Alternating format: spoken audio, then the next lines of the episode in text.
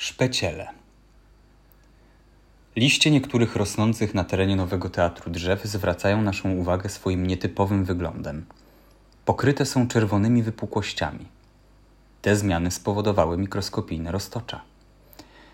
Roztocza są stawonogami należącymi do pajęczaków, czyli organizmów posiadających zazwyczaj cztery pary odnóży i ciało podzielone na dwie części: głowotłów i odwłok. Szpeciele są nietypowymi przedstawicielami tej grupy. Po pierwsze, są najmniejsze ze wszystkich roztoczy.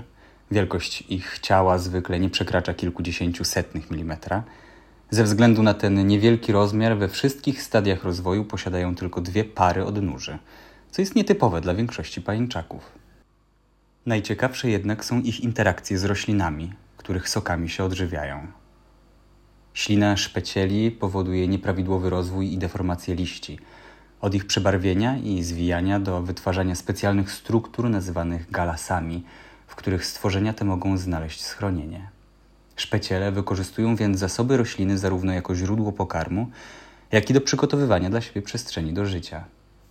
Na terenie placu można spotkać m.in. różkowca lipowego, wytwarzającego barwne galasy na liściach lipy oraz szpeciela Aseria cephalonea, nazywanego roztoczem wiśniowym, który związany jest z kolonami polnymi.